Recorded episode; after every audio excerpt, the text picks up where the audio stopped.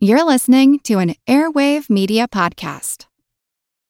When you need mealtime inspiration, it's worth shopping Kroger, where you'll find over 30,000 mouthwatering choices that excite your inner foodie. And no matter what tasty choice you make, you'll enjoy our everyday low prices, plus extra ways to save, like digital coupons worth over $600 each week. You can also save up to $1 off per gallon at the pump with fuel points. More savings and more inspiring flavors make shopping Kroger worth it every time. Kroger, fresh for everyone. Fuel restrictions apply.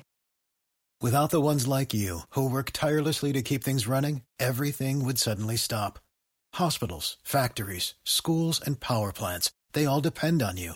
No matter the weather, emergency, or time of day, you're the ones who get it done. At Grainger, we're here for you with professional grade industrial supplies. Count on real time product availability and fast delivery. Call clickgrainger.com or just stop by. Grainger for the ones who get it done. This is Kick Ass News. I'm Ben Mathis.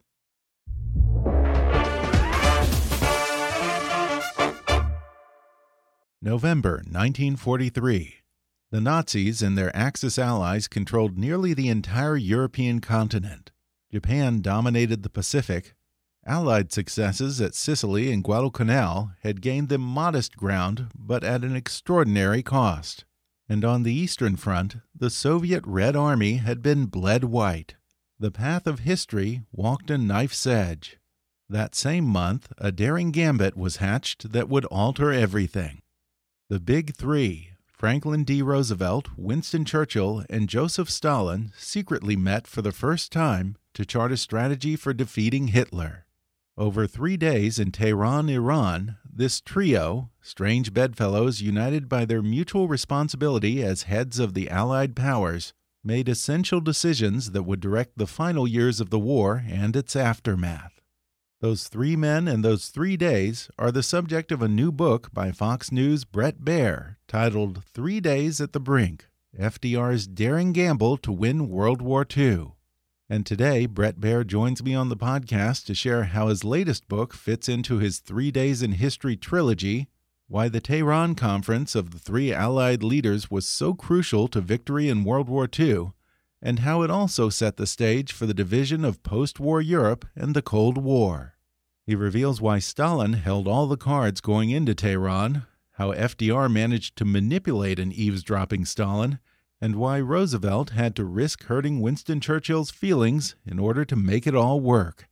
He also recalls how lots and lots of alcohol greased the wheels of diplomacy among the three leaders, and the crippling toll that all that booze and travel took on Franklin D. Roosevelt. Then Bret talks about writing the book while he was covering the Trump Kim summits in Singapore and Hanoi, some similarities he noticed between Trump and FDR's personal style of diplomacy, and some key leadership lessons from those three days in Tehran.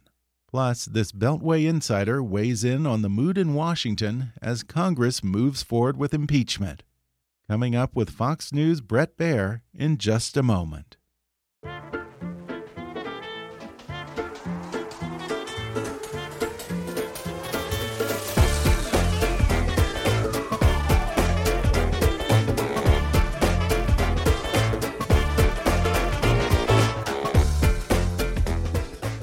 Baier is the chief political anchor for Fox News Channel and the host of Special Report with Bret Baier, which airs five days a week on Fox News. He's the author of the New York Times bestsellers Three Days in Moscow, Ronald Reagan and the Fall of the Soviet Empire, Three Days in January, Dwight Eisenhower's Final Mission, and Special Heart, A Journey of Faith, Hope, Courage, and Love. Now he's rounding out his three days trilogy with his latest book, Three Days at the Brink. FDR's daring gamble to win World War II. Bret Baier, welcome. Thank you, Ben. Well, I'm a big history nut, so I really enjoyed the book. This is, I think, the third in your three days series, which covers seminal moments in the Cold War. What do you like about the three days format? So uh, this all started with the the Eisenhower book, Three Days in January, and um, I wasn't thinking that I was writing three books. Actually, at the beginning, I uh -huh. I really got involved in uh, finding finding Eisenhower. Uh, long story short, I would, got the golf invite of of the century by going to play Augusta National, and they put me up Oh, at nice. the Eisenhower cabin, and uh, I was very excited to play and. Uh, poured myself a glass of wine the night before and walked around and realized that I didn't know Dwight Eisenhower, the president. I knew him as the general uh, in history, and I figured if I didn't, then my generation and younger clearly didn't really know. And uh, I set out to write this book. When I got to the Eisenhower Library in Abilene, Kansas, which, by the way, if you haven't been, it's worth the trip. It's in the middle of nowhere, but it's really cool to go.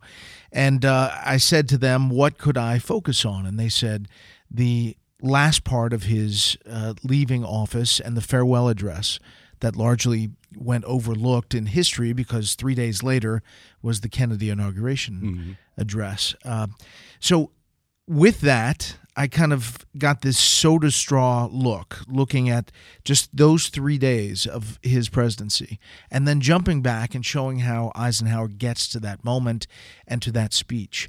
And it's that formula that I, I really felt worked because you could dig in on a narrative, really get into it in a uh, narrative kind of way that's very readable and not a history book. Um, that was a success and i went out looking for my next three days and i came out here to the reagan library and uh, and it was the moscow summit Right, with 1988, Gorbachev. right, Yeah, yeah. the final summit and the speech to moscow state university students that again largely was overlooked and once i had those two i it was kind of like the star wars movies i w- went back to the beginning Okay. and uh, so the prequel. Mm-hmm. It turn, turns out that that's the beginning of the Cold War. Eisenhower's the middle of the Cold War, and Reagan is at the end of the Cold War. Now, you say that you always begin your research at one of the presidential libraries. As you mentioned today, we're meeting at the Ronald Reagan Presidential Library and Museum. And in the case of this book, you went to the Franklin Roosevelt Library in Hyde Park, New York, which I've never been there, but I believe that's also was his home. Yes. What's it like to be able to kind of get a sense of the man and walk in his footsteps like that? Yeah, it's really interesting. And like Abilene, Kansas, which was the Eisenhower home, um, the FDR library is is essentially the estate itself of uh, the the Roosevelts, and it's really fascinating to walk down that. Uh, driveway towards uh, the the family home and imagine, you know, uh, FDR trying to to walk after being stricken by polio, uh, pulling himself down that driveway. Uh, obviously, he never did walk again, but he never stopped trying. And you really get a sense of the man. He clearly didn't need for anything. He was very wealthy, both sides of the family. Um, but because of that incident when he was 39 years old and he loses the ability to walk, um, it changed him as a person and as a leader.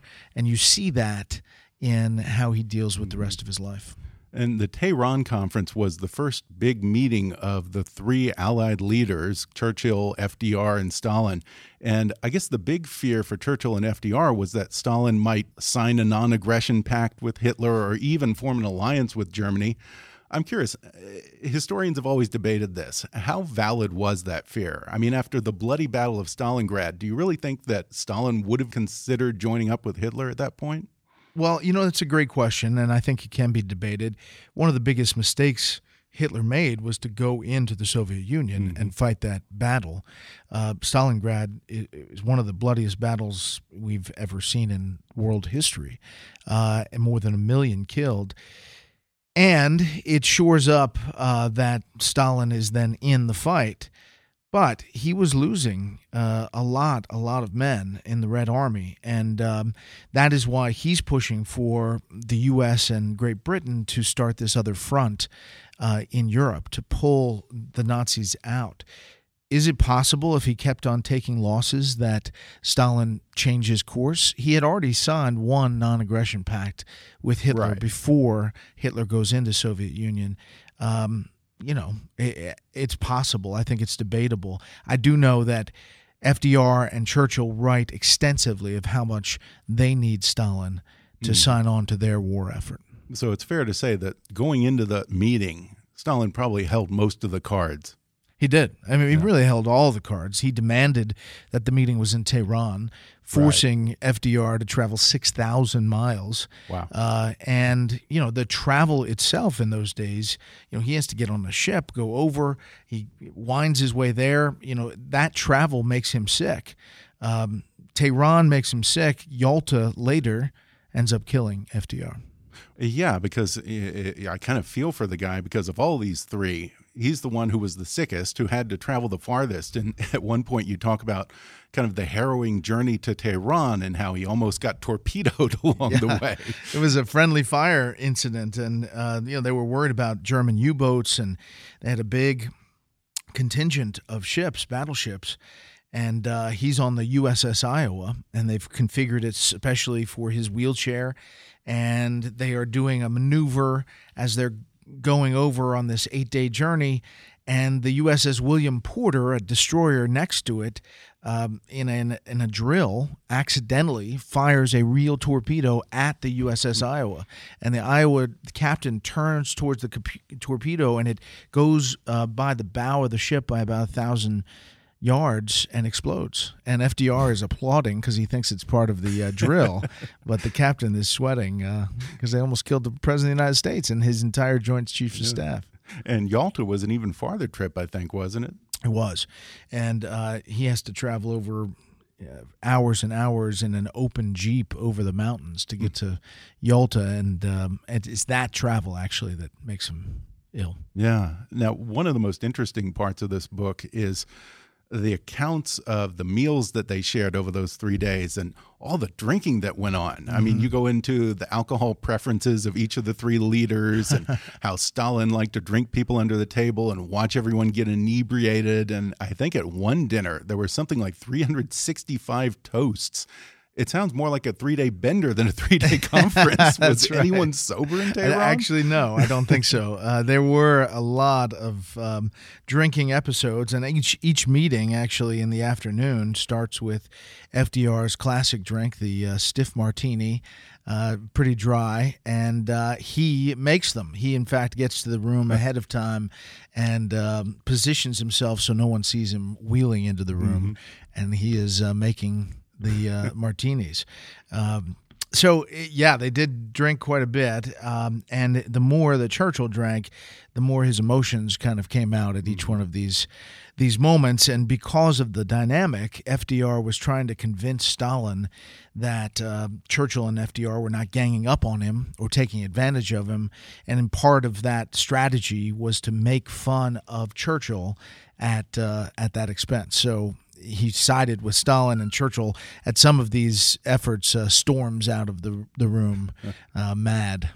Uh, yeah, I was really interested in that part because at one point, I guess during one of these bacchanals at the end of the day, Stalin and FDR, I mean, they're almost cruel in the way that they start ganging up on Churchill and just making fun of him. I, I, can't imagine Churchill took that very well, but I guess there was some kind of strategy behind that for Roosevelt. Yeah, and he he talked about it openly. It, in fact, one one of the meetings towards the end of the conference. Um, he says, Winston, please forgive me for what I'm about to do, hmm. and essentially throws him under the bus, uh, laughing with Stalin. Um, Churchill understands it, but he he is very emotional. He wears his emotions on his sleeve. One of his aides said that he cried every day for one reason or another. Wow! Uh, because he was just an emotional guy, and you can hear it in his speeches as he delivers them. Uh, but he didn't take some of those meetings very well. Uh, yeah, it's pretty poignant to see this towering lion, Winston Churchill, who had been the lone resistance to Hitler in Europe being sidelined and mocked like that. I mean, I don't know about you, but I really kind of felt for the guy. Yeah, yeah, you do, and uh, it's it's kind of. Um, uh, amazing the extent to which FDR takes it, you know, to prove to Stalin that that he's uh, he's with him essentially. Um, and in the end, he does, and they sign a pact at the end. And the end result of this conference is the approval and and planning for Operation Overlord, which we now mm-hmm. know as D-Day.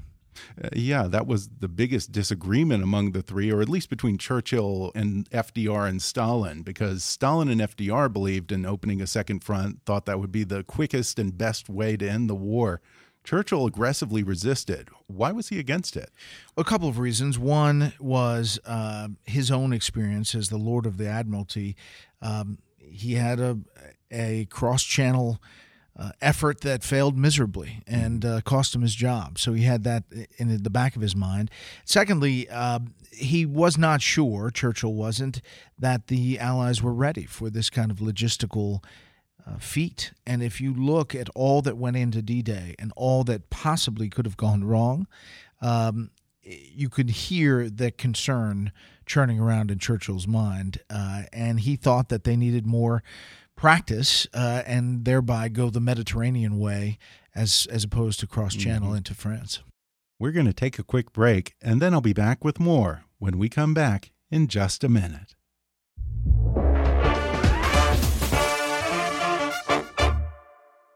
A DUI covers more than just alcohol. Drugs that make you feel different will make you drive different, and you could get a DUI. In 2017, 45% of the drivers killed in fatal crashes who were tested for drugs tested positive. If you think driving while high won't affect you, you're wrong. THC can slow reaction times, impair cognitive performance, and it makes it more difficult for drivers to keep a steady position in their lane.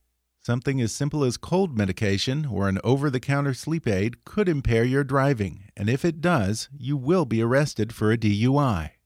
On average, a DUI could set you back $10,000 in attorney's fees, fines, court costs, lost time at work, higher insurance rates, car towing, and more.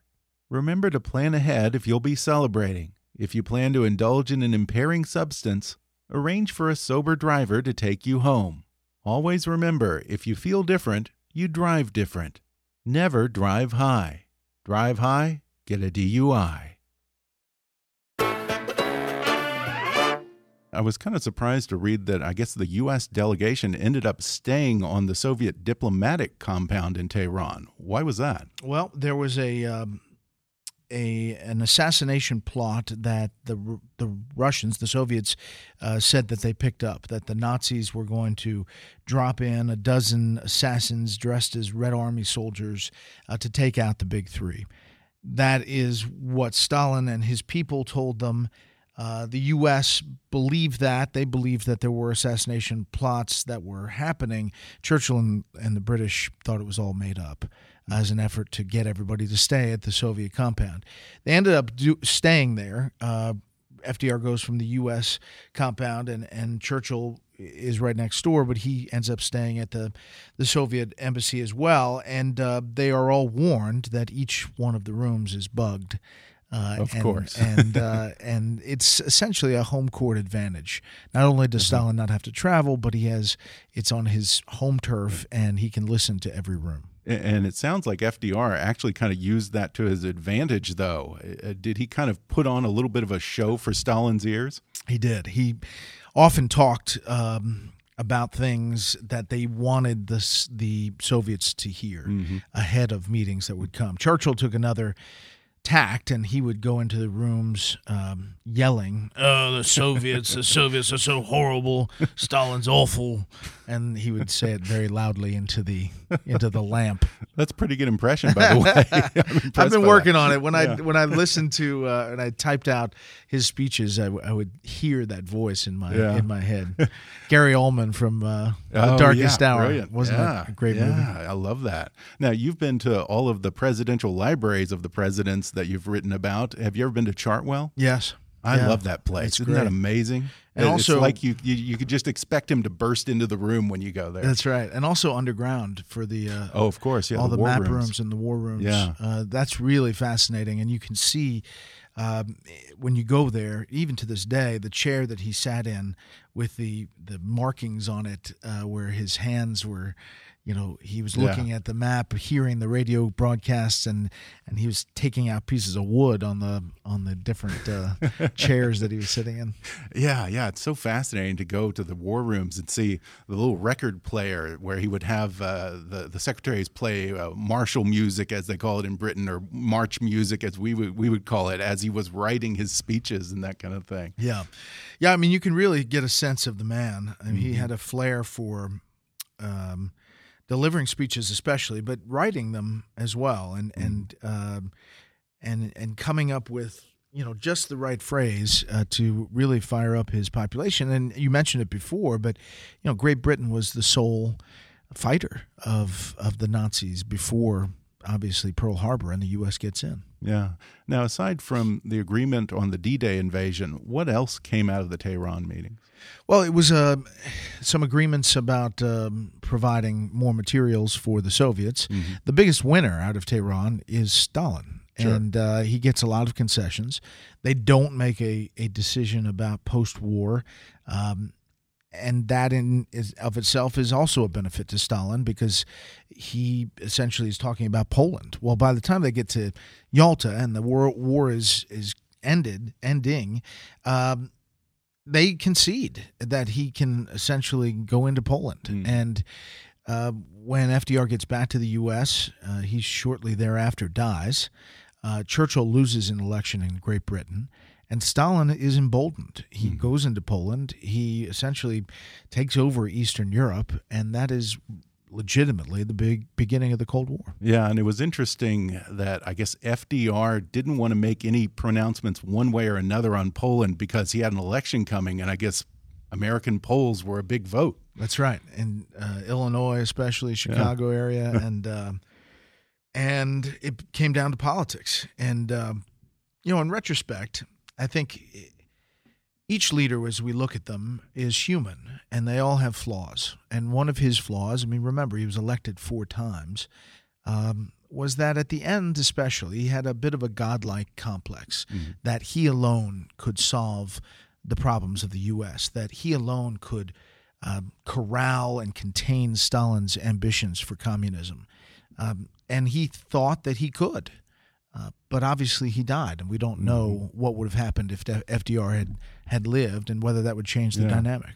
And even though they didn't solve anything at Tehran, eh, eh, the post-war discussions sort of began. They sort of touched upon them. Uh, talk a little bit about the three men's different post-war visions of the world. Well, eh, they're all coming from different places. You know, Stalin, even though he doesn't talk about it, he writes about it um, and his aides write about it that you know he had really big ambitions for communism and the spread of communism. I mean, it, it wasn't really hidden; they just don't talk about it at the conference. Mm-hmm. Um, Churchill is still holding on to colonialism.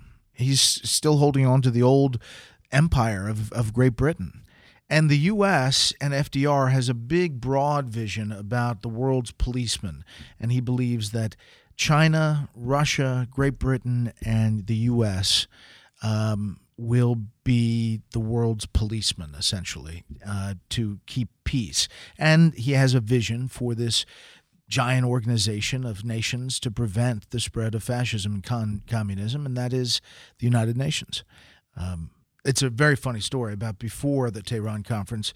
Uh, Churchill goes to the White House, and um, they are drinking as they often did and smoking. Um, you know, FDR had the cigarette on the end of the um, the holder, if you will, and uh, Churchill with a big cigar, and they're on the back porch of the residence overlooking the south lawn uh, towards the Washington Monument, and they're talking late, late into the night, and they finally break up, and uh, and go to their bedrooms. And Franklin Roosevelt, FDR comes rolling down and bursts into Churchill's room and says, Winston, Winston, I've got it. I know what we'll call it. We'll call it the United Nations.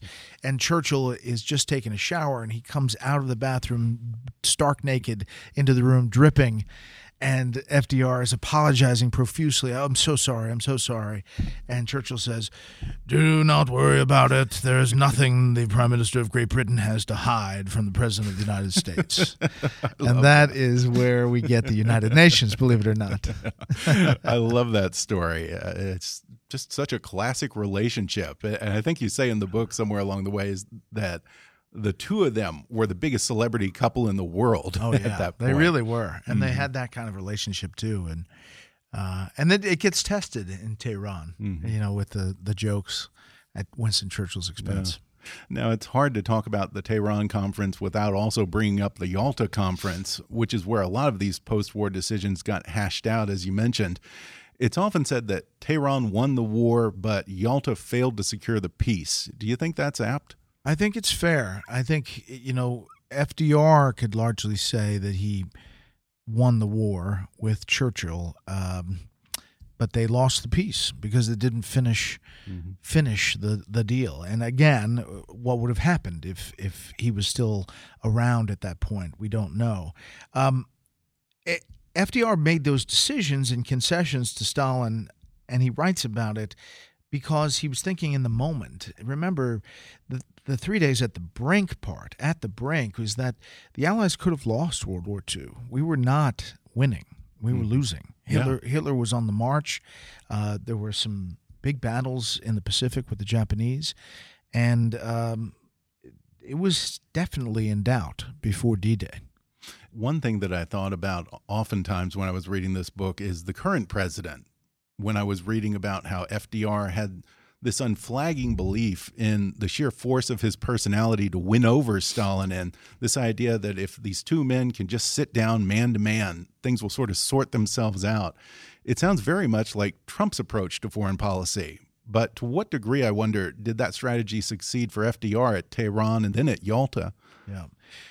Well, I write about the the connection. You know, obviously, I was I was on at the uh, end of the the book, um, the epilogue. I I write about the trip to um, Hanoi, Vietnam, and Singapore to for President Trump to mm-hmm. meet with Kim Jong Un, and similarly, uh, knowing that this is a dictator who has killed his own family members, um, FDR sits with Stalin, uh, who has killed millions of his own people.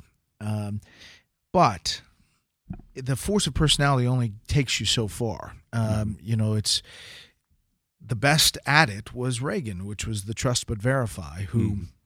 holds the line, knows that he's dealing with um, the Soviet Union, which has uh, communist ambitions, but he is dealing with a partner in Mikhail Gorbachev that he knows he can deal with, and he eventually comes to trust. Uh, FDR believed that once he had Stalin face to face, that he could, through proving that he's on his side, uh, get him to come along. And he believed, as he left Tehran, that that had in fact happened.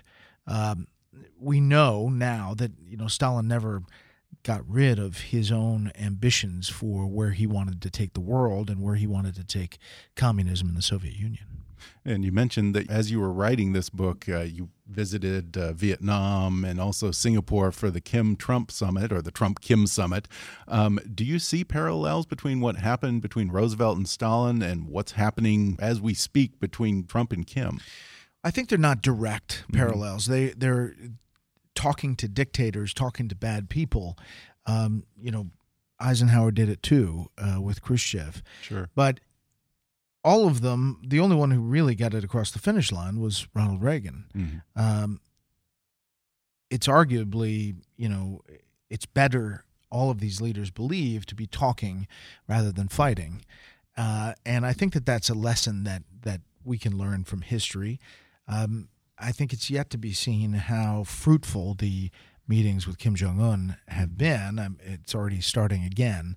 The threats and the the saber rattling uh, from the North Koreans, and um, so so we'll see. But talking rather than fighting yeah. seems to be a common uh, theme. Yeah. What are some of the other lessons we can take away from the Tehran conference? Well, that it takes allies mm. uh, working together for big things, mm. uh, and we just saw a NATO summit that kind of broke up a little uh, differently than uh, than we've seen in the past. Right. Um, but uh, it, it takes allies working together to to do big things. This, if you look at the the war at the point that it was, um, had they not come together, uh, it could have gone the other way. Mm-hmm. And um, we might be doing this podcast in German. Yeah. yeah. All three of your three days books highlight how a single moment can dramatically change the course of history. And I want to close by bringing it to the present here. Uh, you've witnessed a lot of seminal events, including the wars in Iraq and Afghanistan, uh, the 2012 election, and I think you were at the Pentagon on 9 11 in the aftermath. Uh, you're in Washington every day. What does it feel like in D.C.? Does what you're seeing now with the impeachment of Donald Trump feel like one of those history altering moments? It feels big. It feels every day like history is being made. Mm. Um, this presidency, this administration is unlike any we've seen. Um, the news cycle is about six or seven news cycles in a day.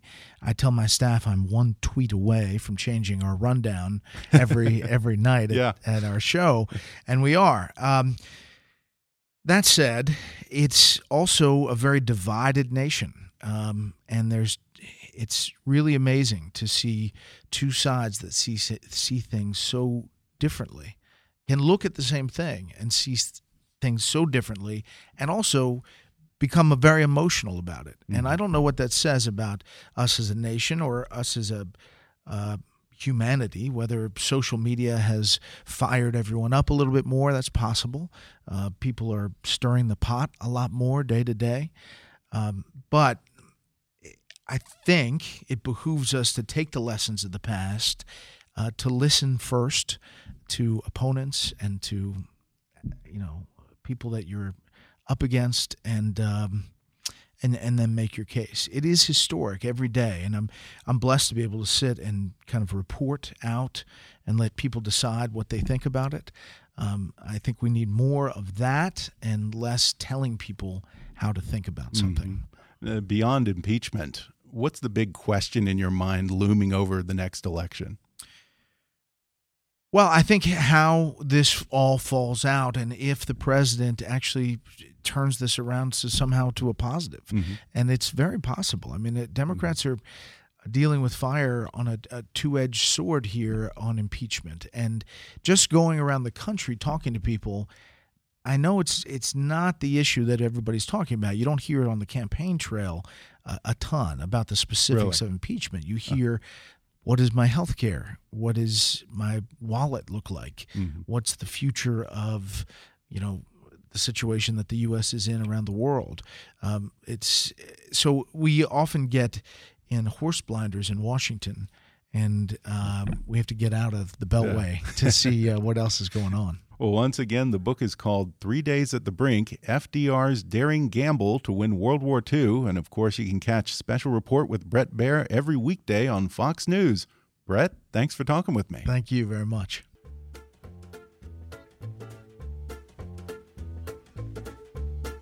Thanks again to Bret Baier for sitting down with me, and I also want to give a special thanks to the Ronald Reagan Presidential Library and Museum in Simi Valley and the Ronald Reagan National Defense Forum for hosting our interview.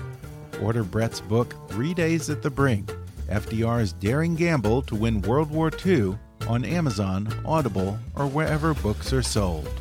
Also, check out the other books in his Three Days trilogy Three Days in January, Dwight Eisenhower's Final Mission, and Three Days in Moscow, Ronald Reagan and the Fall of the Soviet Empire.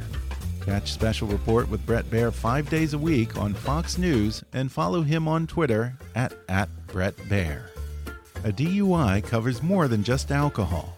Drugs that make you feel different will make you drive different, and you could get a DUI. Always remember if you feel different, you drive different. Never drive high. Drive high, get a DUI. If you enjoyed today's podcast, be sure to subscribe to us on Apple Podcasts and rate and review us while you're there. Five star ratings and detailed reviews are one of the best ways for new listeners to discover the show. You can also follow us on Facebook or on Twitter at, at KickassNewsPod and recommend us to your friends on your social media. For more fun stuff, visit kickassnews.com, and I welcome your comments, questions, and suggestions at comments at kickassnews.com. For now, I'm Ben Mathis, and thanks for listening to Kickass News.